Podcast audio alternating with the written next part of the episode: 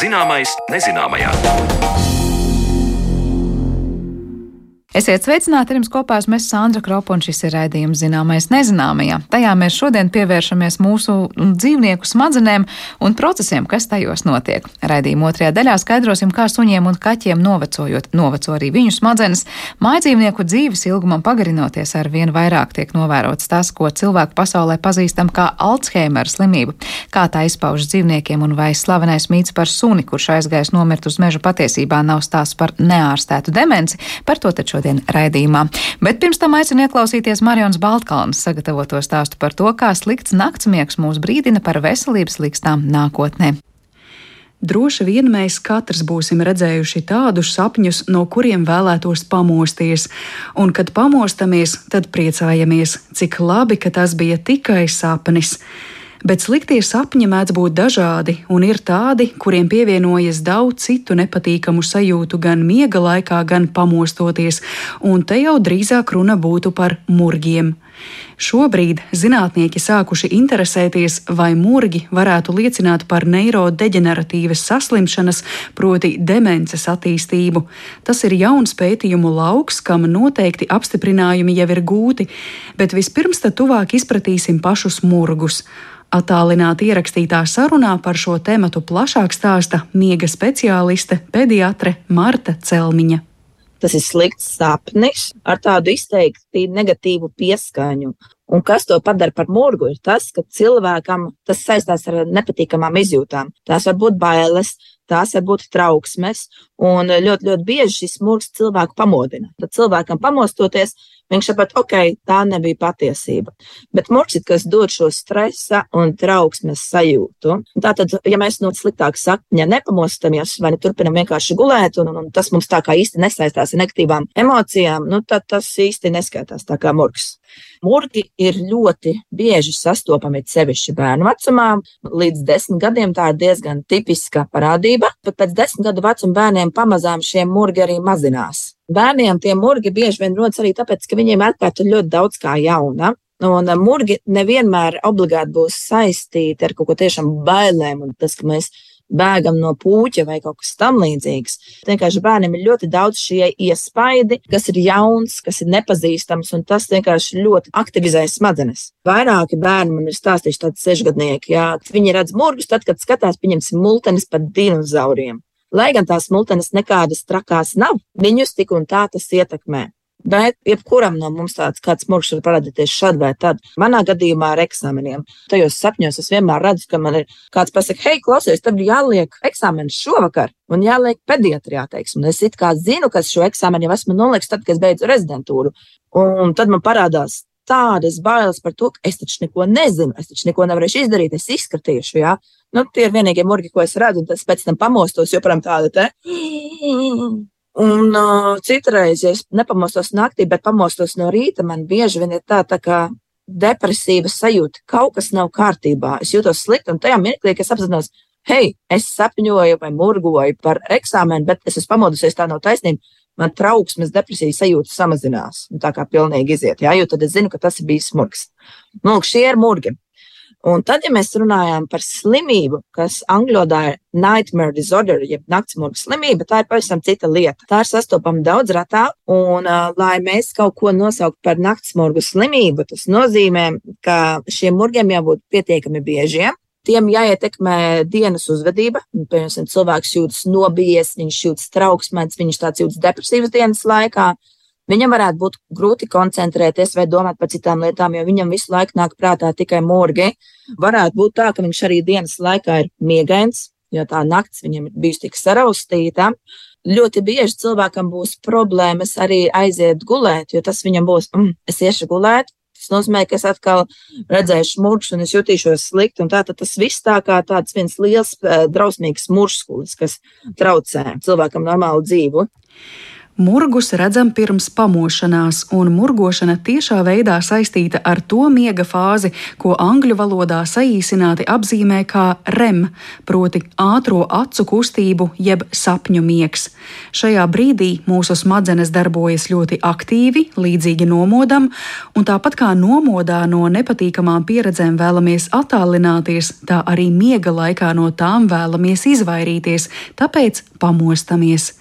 Miega ciklus un murgu cēloņus vairāk skaidro Marta Celmiņa. Tipiski murgi ir nakts otrajā pusē. Tātad, ja mēs skatāmies uz miega uzbūvi, mums miegs nav tāds vienmērīgs process. Mēs esam pavisam seklās fāzēs, tā pārēja no nomodu uz miegu. Mēs esam seklā fāzē, ka mēs sākumā dzirdam visas skaņas, ka mēs ļoti viegli uzmostamies. Tad mēs ejam jau drusku dziļākā miedziņā, ne remjeb, ne ātrā acu kustību miegā kad jau sākam nedzirdēt skaņas no ārpasaules. Pēc kāda laiciņa ieejām pavisam, pavisam dziļajā miegā, arī ne remjiem, ne ātrākas kustībā miegā, kad mēs guļam pilnīgi kā nosisti. Un pēc tam mums nāk tāds remmiegs, jeb ātrākas kustībnieks. Varbūt ir pamanīts, ka cilvēks guļ un viņa tās acis dažkārt tā kā šaudās un kustās. Ja? Un šajā mirklī mūsu smadzenes strādā ļoti līdzīgi nomodam.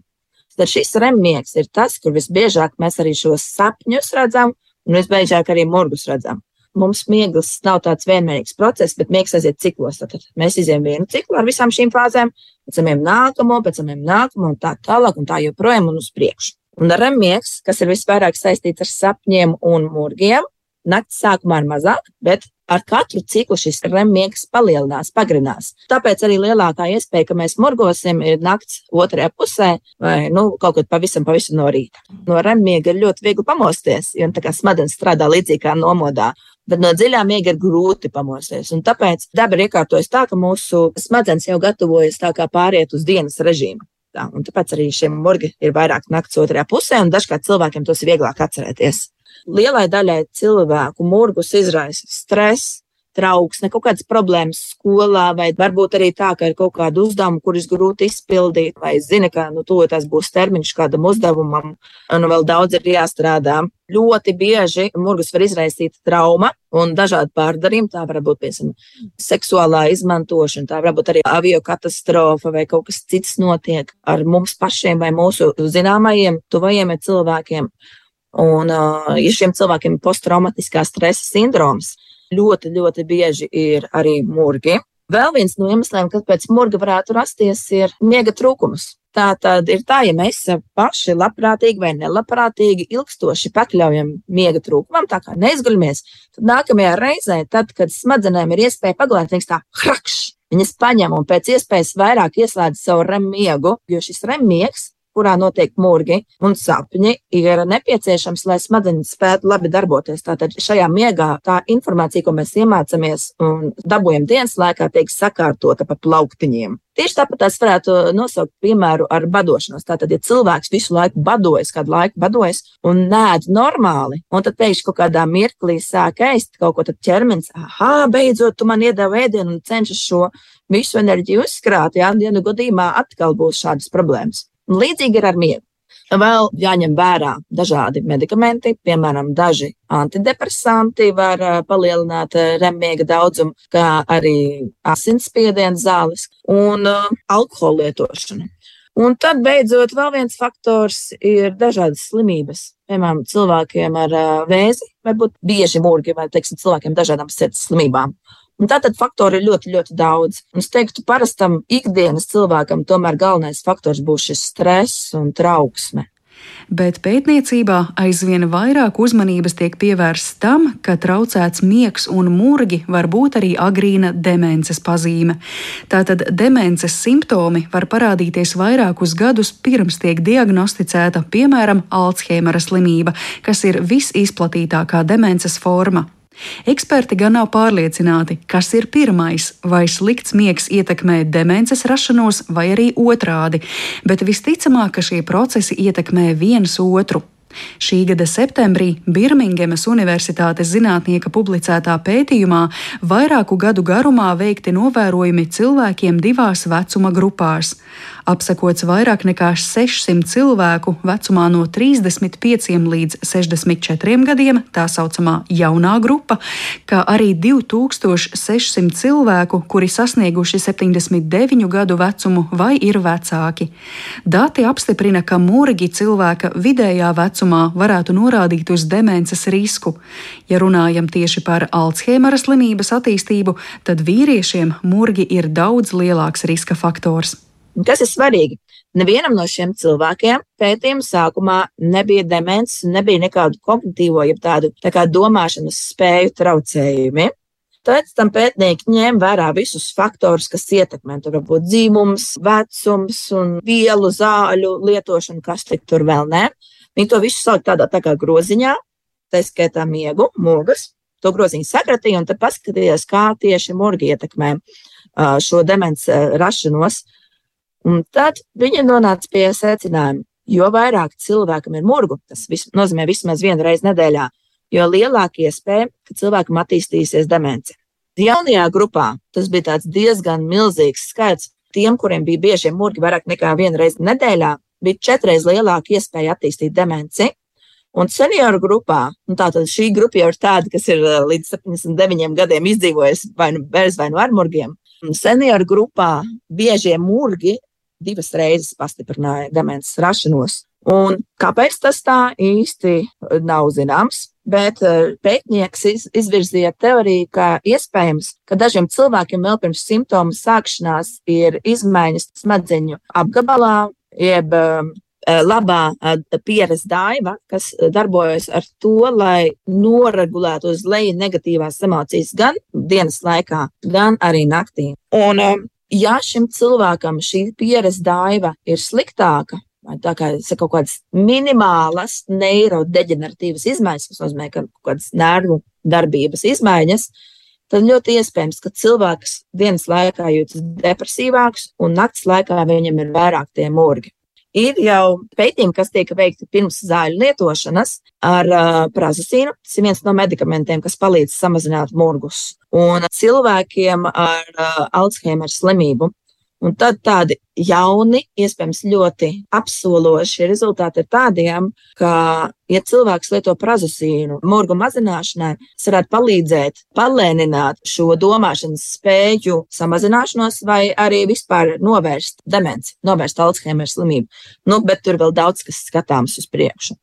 Es gribēju vēl jautāt um, tādu lietu saistībā ar demenci, ka ja šie murgi iekustina to mehānismu un cilvēkam sāk veidoties demence, tad, tad es domāju, kā šī demence atsaucas atpakaļ uz murgiem. Jo it kā liekas, nu, ka, lai mēs redzētu murgus, mums smadzenēm ir aktīvi jāstrādā, mums ir tur daudz informācijas, bet parasti saka, ka cilvēkiem, kuriem ir demence, tas pats Alzheimers, viņi sāk aizmirst lietas, viņiem šajās smadzenēs nav informācijas, un tad es domāju, no kurienes tad viņi ņem to resursu murgiem?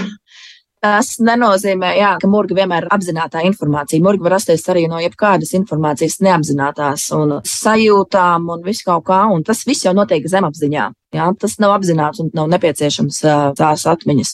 Nu, lai nu kā, vai nu tas pamazina uh, demenci vai nepazina demenci, mūrgus noteikti nevajag ignorēt. Tie ir noteikti, noteikti jārastē. Ja cilvēkam bieži murgi ir noteikti jāvēršas pie neirologa, neirologs smiega speciālists, jo arī ja neapstiprinās sākotnējos pētījumos atrastais, ka murgu mazināšana samazina Alzheimer slimības risku, tad murgus mazināt šā vai tā ir vērts, jo tā ir ārkārtīgi negatīva pieredze cilvēkam. Murgi, it sevišķi bieži murgi, tā ir ļoti liela nasta cilvēkam un viņa dzīves kvalitātei. Tātad pat nedomājot par Alzheimeru, ar to ir jāstrādā. Dzirdējām Marijas Baltkalnas sižetu par miega kvalitāti un saistību ar neiroloģiskām saslimšanām nākotnē, bet raidījuma turpmākajās minūtēs pievēršamies Alzheimeram dzīvnieku pasaulē.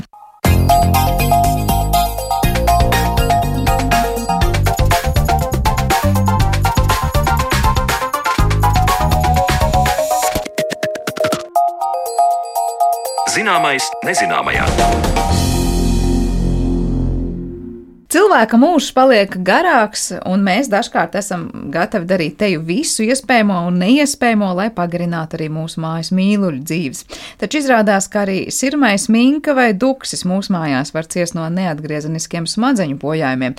Kāpēc mēs laikus nemanām demences izpausmus mājdzīvniekos un ko zinām par šiem procesiem dzīvnieku smadzenēs? Par to visu tad šodien mēs runāsim raidījuma atlikušajā daļā, un tāpēc uz studiju esam aicinājuši veterinārārsti Dairu Viškeru. Labdien! Labdien!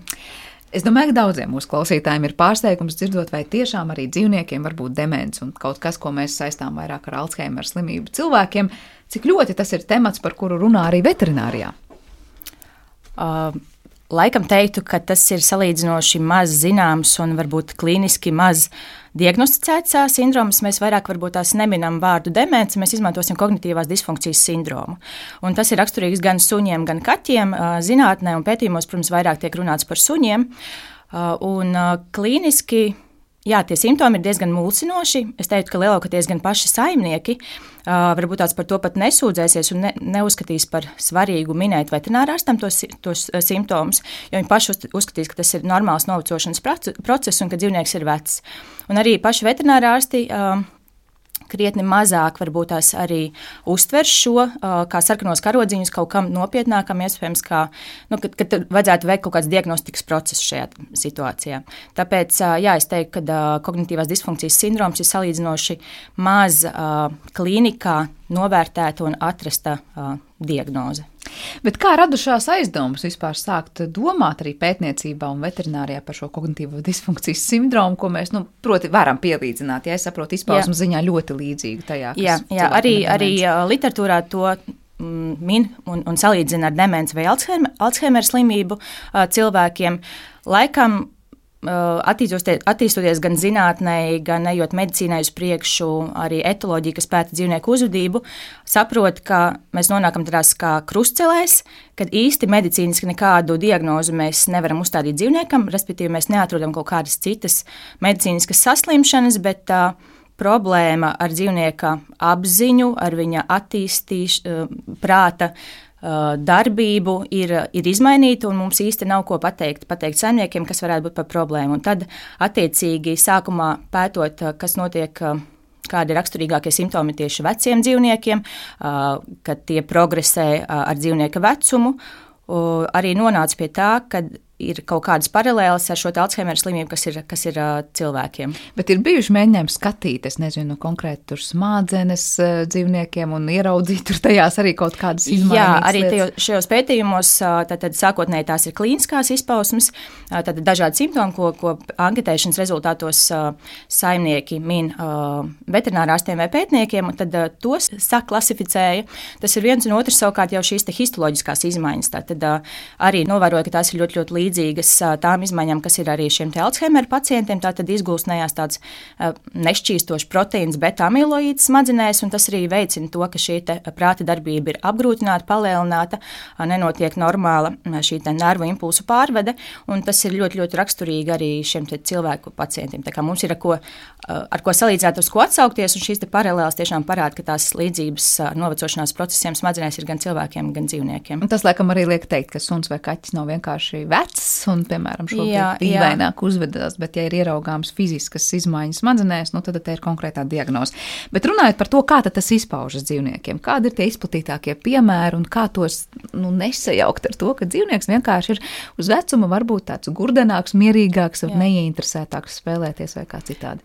Jāmin, ka šie simptomi pilnīgi noteikti attīstās ļoti lēnām, ļoti pakāpeniski, un tāpēc saimnieki ar to sadzīvo. Viņi pat īsti var nepamanīt tikai tāpēc, ka Tas nav tā, ka uh, kaut kādas asas sāpes vai dzīvnieks pēkšņi kaut ko ļoti uh, neraksturīgi uh, izdara. Tas ir mm, pazīmes, kuras pirmkārt sākumā neparādīsies katru dienu. Iespējams, tas būs viena epizode, varbūt pusgadā.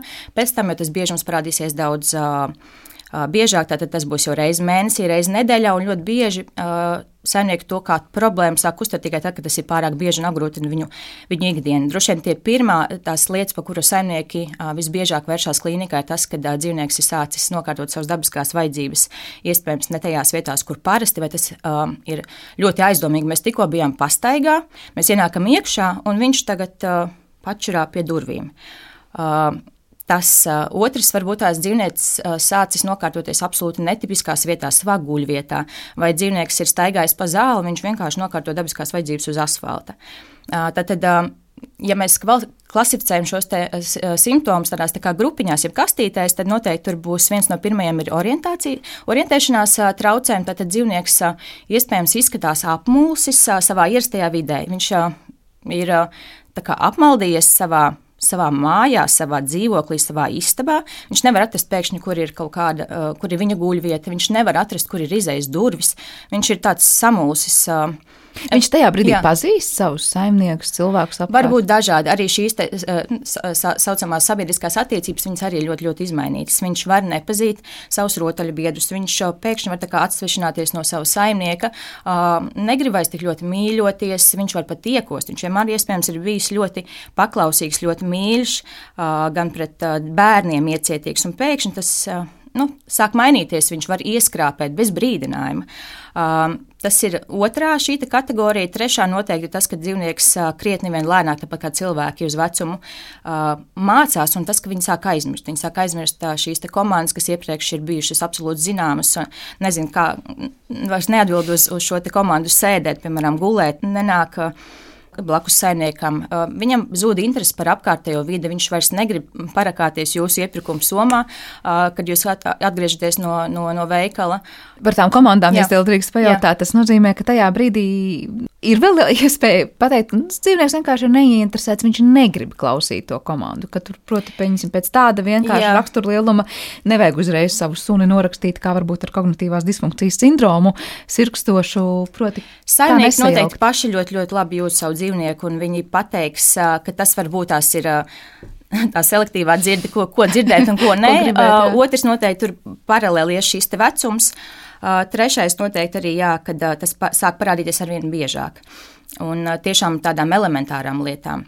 Uh, vēl ļoti raksturīgi arī, par ko saimnieki noteikti ļoti iespējams griezīsies pēc palīdzības klīnikā, ir tas, ka dzīvnieks ir sācis staigāt pa naktīm.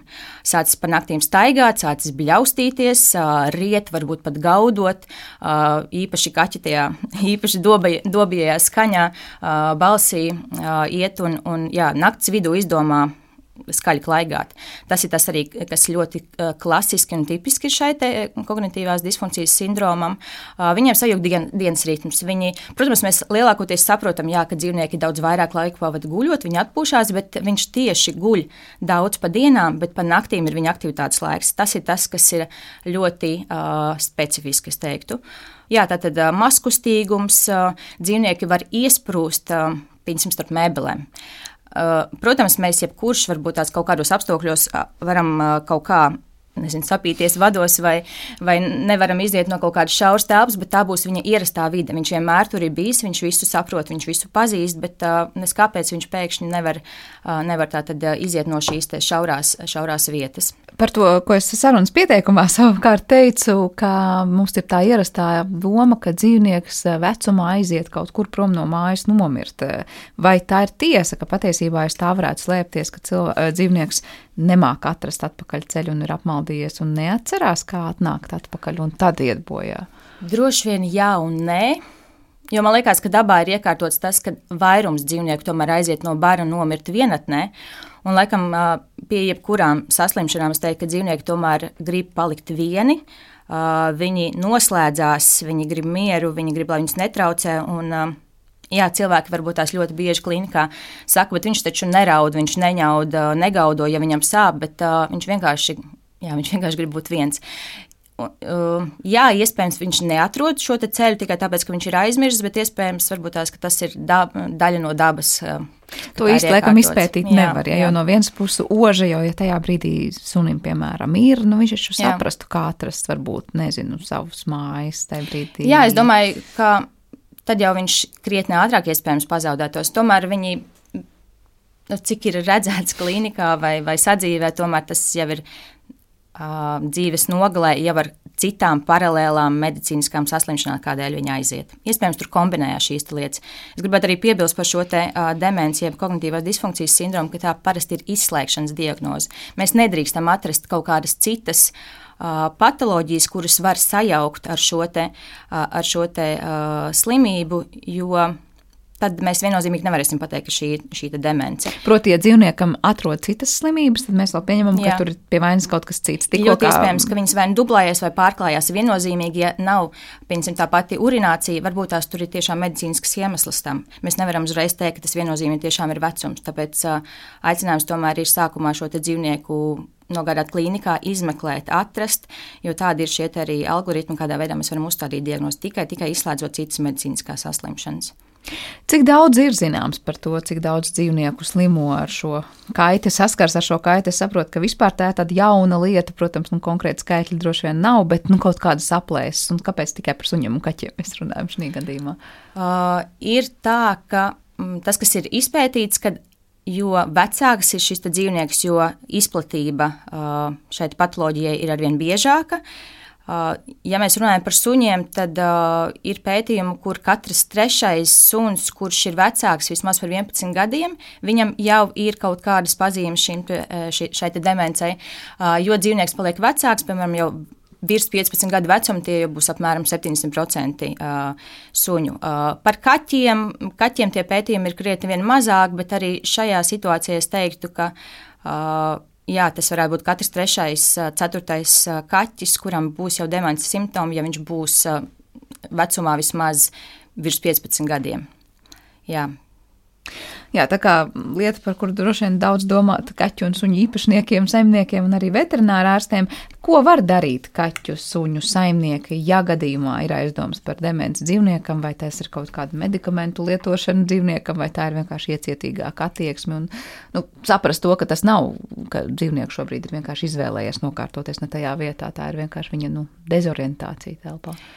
Jā, noteikti man šķiet, ka daudz palīdzošāk ir tātad informācija par pašu saslimšanu, bet uh, lai mēs tiešām saprastu, ka tur nav kaut kādas citas saslimšanas, kā jau teicu iepriekš, tad uh, noteikti tā ir pie, vizīte pie veterinārārsta. Uh, es aicinātu dzīvnieku īpašniekus uh, izmantot šīs unikālās reizes. Mm, kad jūs dodaties pie veterinārā ārsta uz ikgadējo vakcināciju. Tas ir tas laiks, kad mēs varam netraucēti uh, izrunāties ar veterināru ārstu. Tad mēs esam aizgājuši ar dzīvnieku, kurš ir klīniski vesels. Uh, kuram uh, nav citas sūdzības, uh, pārbaudīt, vai viņam, teiksim, kādā stāvoklī ir viņa mutes dobums, vai nav zobu patoloģijas, uh, zobakmens, uh, vai nav parādījušies kādi trokšņi sirdī.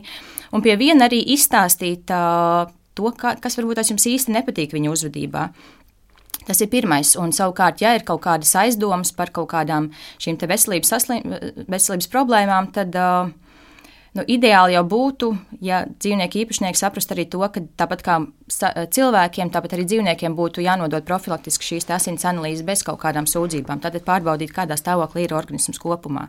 Un tad, attiecīgi, jau, kad ir izslēgtas citas medicīniskās slimības, tas, kas noteikti nenāks par ļaunu nevienam, ne saimniekam, ne sunim, ir pastaigas. Jo pastaigas ir veids gan kā mm, kustēties un, un uh, smadzenēm ja nepieciešams skābeklis un kustības, ir noteikti atslēga uz, uz, uz veselu ķermeni, jebkuram, bet uh, arī šī te, mm, ostīšanās, kas pavada uh, jebkuru pastaigu, ir diezgan liels uh, treniņš prātam, kas, nu, kas teiksim, suņiem ir ļoti uh, svarīgi. Uh, ja cilvēkiem liek spēlēt šahu, tad uh, dzīvniekiem varbūt tās tādas iespējas īsti nav, bet ir arī šīs te, uh, dažādas interaktīvās rotaļlietas, uh, kur viņš var paslēpt šo kārumiņu zem kaut kādām tām pašām glāzītēm, kur viņš ir spiests pieslēgt uh, savas, uh, savu prātu.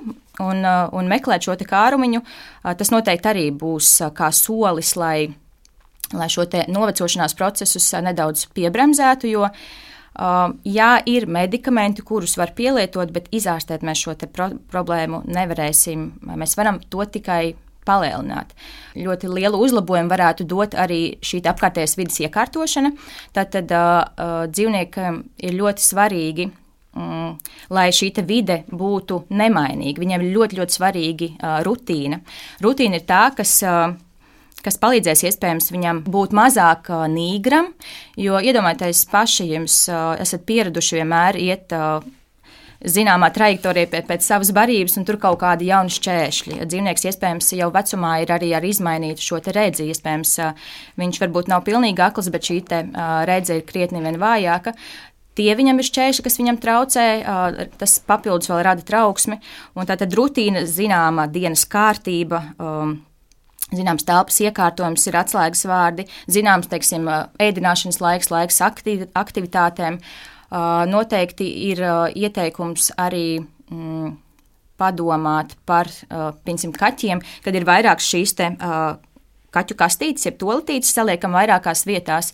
Jo, piemēram, arī par, par suņiem, nu, ja negribās, lai ir tiešām šī šmuce uz grīdas, tad salikt šos uzsūcošos paklājiņus. Jo dzīvnieks iespējams nes, nevarēs sagaidīt šo te, rīta pastaigu vai jūs no darba, un, un viņam nāksies kaut kur šīs dabiskās vajadzības nokārtot, ka tomēr tas ir jums pieejamākā vietā, nu, nevis pieejamākā, bet teiksim, akcept, akceptējamākā vietā. Noteikti kaut kādi gaismas ķermeņi, tātad papildus kaut kāda lampiņa naktī, jo tiešām šis dzīvnieks vairāk darbojās, vairāk staigā tieši nakts laikā, ka viņam ir nu, daudz vieglāk redzēt, kas, kas notiek apkārt.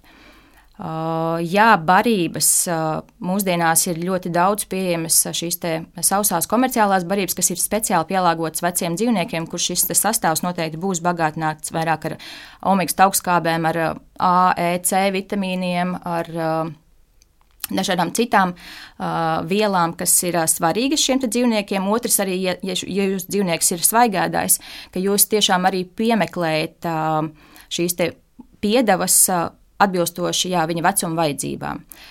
Un, savukārt tie medikamenti, par medikamentu lietošanu tur noteikti rūpīgi ir jāizrunājas ar veterināru ārstu, ir gan daudz blaknes, kuras ir iespējams sagaidīt.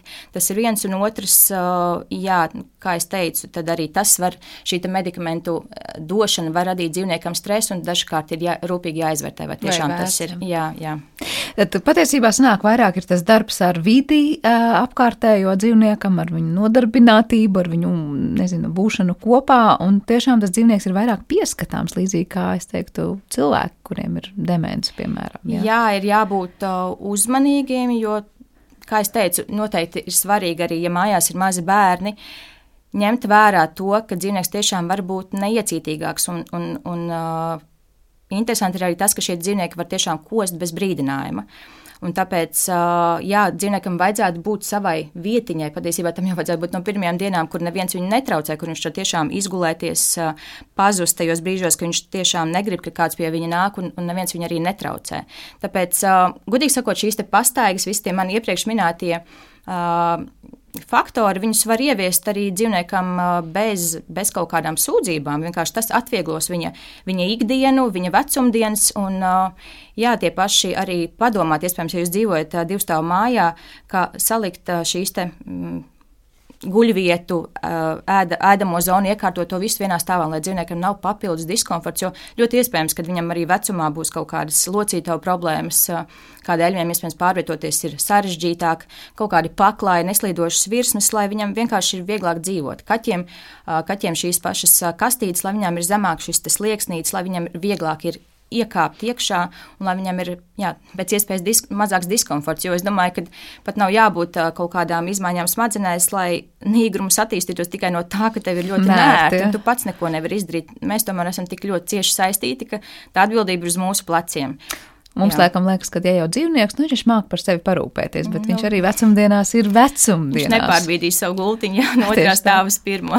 jā, nu par tādām pavisam kliedzošām, jā. protams, lietām, jā, bet otrs ir tiešām tas slieksnis, cik augsts ir, lai iekāptu savā toaletē. Tas patiesībā ir tas, par ko ir vērts aizdomāties, un varbūt daudziem mums neienāk prātā. Jā. Pieminējāt tos nu, smadzeņu trendiņus suņiem, kaut vai ja tā ir tā kaut kāda paostīšana, mm -hmm. kaut kāds glāzītes un kārumiņu meklēšana, vai ir kas līdzīgs, kā, nu, kā teicāt, šāhu neliksim spēlēt krustvārdu mīklas arī nerisināsim. Citiem dzīvniekiem, kuriem nav tik izteikti, varbūt tā, nu, tā kā kaķiem, piemēram, tur komandu mācīšanās vai kā citādāk, kas ir tas, kā var pa paildzināt to dzīves kvalitāti šiem dzīvniekiem vai patrenēt viņu smadzenes? Internetā pilnīgi noteikti var atrast šīs interaktīvas uh, games, uh, ir dažādas ar dažādiem šiem līmeņiem. Uh, dažādas spēles, kuras, uz kurām var dzīvnieks tre, trenēt. Viņas ir, jā, kā jau teicu, pa līmeņiem, pēc sarežģītības pakāpes, un kamēr dzīvnieks nav apgūstis teiksim, to vieglāko līmeni, nevar iet uz to otro.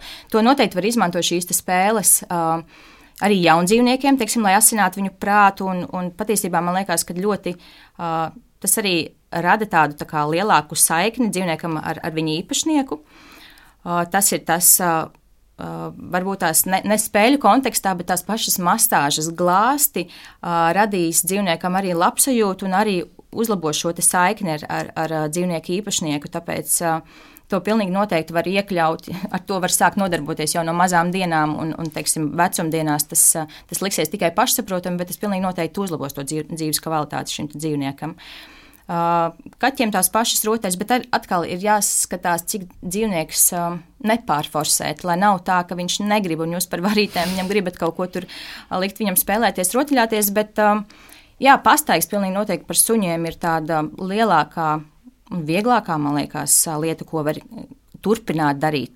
Teiksim, man patika tāda frāze, kad uzvesties ar dzīvnieku senioru tā, it kā viņš būtu jauns dzīvnieks, tikai viņam ir cita dzīves pieredze un citi dzīves uh, apgriezieni, tā var teikt. Tātad uh, uztvert viņu par tādu pašu suni, kāds viņš bija, bet būt nedaudz uh, lēnākiem, lēnīgākiem un iecietīgākiem. Jā, jā, tā kā izturēties kā pret kucēnu vai kaķēnu, jā. kurš nevis noskatīt, viņš ir vecs un liekam viņu mierā, nu, un, nu, liekam mierā, bet uh, kad uh, nu, nenorakstīt viņu par ātru. Jā, mēs eh, runājam sarunas sākumā par šīm līdzībām ar cilvēku, un es saprotu, ka cilvēkiem ir šie kognitīvās eh, testi, ja, kur, piemēram, liek, es nezinu, uzzīmēt konkrētas lietas, tur pulksteni, jā, matemātiskas darbības veikt, un tad saprast, nu, vai tas ir demences gadījums, nav demences gadījums. Kas notiek ar dzīvniekiem jau sarunas sākumā jūs minējāt, ko mēs varam novērot, proti, nu, vai ir dezorientēts telpā vai kā citādi. Kā pētnieki tiek galā ar šiem nu, ļoti grūtajiem, var teikt, gadījumiem, jo, jo nemāk pateikt pretim ne kaķis, ne suns, cik ir 100 mīnus 5, jā, viņi mm -hmm. nemāk uzzīmēt daudz ko, viņi nevar izstāstīt, kas viņiem sāp, nesāp, ko viņi atcerās, neatcerās. Kā notiek paša tā pētniecība šajos gadījumos? Uh, Tajos pētījumos ļoti liela atslēga ir saimnieka novērojumi. Kā jau jūs minējāt, ļoti bieži iespējams saimnieki paši nepateiks, nesūdzēsies par lietu, ka dzīvnieks palicis ir maskustīgāks vai, piemēram, viņš ir sācis varbūt tās bļaut pa naktīm. Pētnieki jau pēc iepriekšējiem mm, iepriekšējās pieredzes jau paši uzstādījuši šos simptomus, un pati atslēga visam šim ir šī anketēšana. Tātad uh, iedzīvot, nevis iedzīvotāji, bet saimnieku aptaujāšana. Uh, tātad viņi uzdod jautājumus, kurus no minētajiem šiem simptomiem viņi ir novērojuši saviem dzīvniekiem un cik bieži. Un tādā veidā uh, otrs bija, piemēram, tā pati sabiedriskā mm, sabiedriskās attiecības. Viens ir tas, ko saimnieki saka, tātad tieši ar tuviem cilvēkiem, kā šie dzīvnieki sadarbojās, un otrs, kā viņi arī reaģē uz citiem. Tajā mirklī, protams, pieslēdzās jau svešas personas, tad novērtē, kā šis suns atsaucās uz, uz, uz cita, cita teiksim, cilvēka uzsaucienu, vai, vai, teiksim, vai viņš grib vispār apostīt viņu vai ar viņu spēlēties, bet pats pats pamatu pamats ir tieši tas, ko stāsta saimnieks tās tomēr ir nu, tie simptomi, ir tie, ko viņi redz sadzīvē. Tas patiesībā tādi novērojumi ikdienā ir tas, kā arī pētnieki pēta šobrīd to. Vairāk vai, vai mazāk, jo nu, histoloģiskās tas nozīmē, ka dzīvnieks jau uh, pēc nāves mēs varam šos, te, šos te novērojumus. Uh, secinājums izdarīt. Jā. Vai pētniekiem ir skaidrs, kas ir tas cēlonis, kāpēc veidojas šādas te, nu, saslimšanas? Labi, mēs sakām, vecums, jā, bet vai jā. tas ir iedzimtība, vai tas ir, nezinu, kaut kādas dzīves laikā? Principā tās ir deģeneratīvas pārmaiņas smadzenēs, nervu šūnas atmirst.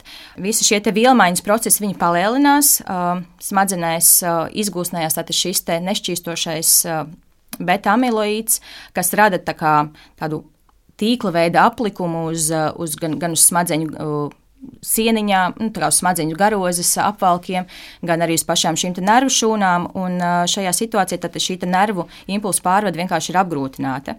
Un, protams, ir daudz dažādas arī anatomiskas izmaiņas, kuras skar vienkārši nu, teiksim, vecumā, jebkuru orgānu, kad viņa funkcijas paliek vienkārši vājākas, lēnākas. Un, Un jā, šajā kognitīvās disfunkcijas sindromā tieši tas beta-amiloids laikam ir tā pati nopietnākā izmaiņa, kuras tieši tas daudzums, pat neatrašanās vieta, kurā smadzeņu daļā, bet tieši daudzums ir tas, kas tieši korelē ar to uh, klīnisko pazīmju jā, biežumu un nopietnumu. Un kāpēc tas izgulsnēsies vairāk vienam dzīvniekam un varbūt mazāk citam dzīvniekam? Tad ir patiesībā virkni dažādu. Daudz, jā, un iemesli. vienkārši, kā, kā es teicu, tad laika gaitā viņš akumulējās ar vien vairāk. Un jo vecāks dzīvnieks, jo vairāk, un attiecīgi šīs te, tāpēc arī sastopamība vecākiem dzīvniekiem ir ar vien biežāk. Nu, diezgan loģiski, jā. jā. Vai par šķirnēm ir kaut kas piebilstams, vai ir kaut kādas vairāk uh, suņu, kaķu šķirnes, kas biežāk ar to saskarās? Pētījuma rezultāti pagaidām to neapstiprina. Protams, ir jāvelk paralēlis, ka mūsu pacienti, tātad dzīvnieki, ja mēs runājam tieši par suņiem, tad uh, diez vai mēs redzēsim Rottweileru, kuram ir 16 gadi, tikai tāpēc, ka viņu šis fizioloģiskais vecums ir krietni vien īsāks. Tāpēc uh, varbūt tās uh, tīri no mana subjektīvā viedokļa, tās visticamāk iespējams būs šīs ilgdzīvojušās šķirnes, kurām mēs to redzēsim. Uh, Jo, kā jau minēju, tad tie vismaz nu, ļoti bieži būs sastopams, ja dzīvniekam vismaz 15, 16 gadi. Tad arī bezšķirnes, bezšķirnes dzīvnieki, kur ir mazāk izmēros, jo vienkārši viņu dzīves ilgums ir, ir krietni vien ilgāks nekā tas ir lielajām gigantiskajām šķirnēm. Noslēdzot mūsu sarunu, kā ir Latvijā, es saprotu, par to tiek pamazām arī runāts, un, un es dzirdu arī, saku, manā praksē un, un manā pieredzē, uh, vai ir daudz veterinārā ārsti, kas vispār dalās kaut kādos datos par to, kas nonāk līdz viņiem, kādi suņi, kaķi, vai ar to Latvijā mēs varam teikt, ka vispār mēs sākam apzināt, cik daudz ir to dzīvnieku, kas ar to saskarās. Es droši vien teiktu, ka tas ir diezgan individuāli, cik katrs no veterinārārstiem par to interesējās. Uh, Bet diezgan liela uh, problēma ir arī tā, ka dzīvnieku īpašnieki vienkārši nevēršas pēc palīdzības. Viņi neizstāsta līdz galam, kas vispār neliek aizdomāties, ka dzīvniekam varētu būt problēmas. Viņi paši domā, ka dzīvnieks ir vecs un tur vairs neko nevar izdarīt. Laikam, klīnikā tomēr mēs biežāk redzam dzīvniekus ar citām patoloģijām, jo, jo šie te, uh, kuriem, kurām var, kuras var diagnosticēt un daudz vieglāk, un, un kurām ir šī iespējama ārstēšana. Tas, ja tas kombinējās kopā ar šo saslimšanu, būs krietni grūtāk atklājams, bet uh, laikam tādi seniori, kuriem ir vienkārši problēmas par to, ka viņi, uh, teiksim, uh, nevar atrast savu vietu, ar tādām sūdzībām es teiktu, ka Nu, Lielākoties līdz klīnikai viņi jā, nedodas. Jā, droši vien sastopoties ar vecākiem dzīvniekiem, tiešām bieži arī dzīvnieku saimniekiem liekas, nu, ko, tas taču nav jautājums, ar ko iet jā, pie vetārsta, bet patiesībā tā ir varbūt kāda no pazīmēm, kam ir vērts pievērst uzmanību. Daira, liels paldies par šo sarunu. Es atgādinu, ka veterinārā ārsta Daira Viškara šodien bija pie mums raidījuma zināmais nezināmajā studijā, un mēs runājam par tādu salīdzinoši jaunu un varbūt mazāk dzirdētu lietu, kā kognitīvās disfunkcijas sindromu dzīvniekiem, proti kaut kas līdzīgs, kas cilvēkiem ir demence un alzheimers, kas piemeklē vecumdienās. Tas pats arī izskatās, piemeklē mūsu mājas mīluļus. Ar to raidījums ir izskanējis, un es ceru, ka šī saruna varbūt rosinās daudz dzīvnieku īpašniekus paskatīties un pavērot to savu dzīvnieku uzvedību un būt iecietīgākiem un varbūt pārorientēt mājās kaut ko tādu, lai padarītu to dzīvi viņiem vieglāku. Paula Gulbīns, ka šī raidījuma producente, Girds Bišs parūpējās par mūziku šajā stundā. Es, Sandra Kropa, biju kopā ar jums studijā, un Elizabete Šaicāno bija skaņu režijā. Mēs tiekamies jau atkal pavisam drīz. Visu labu!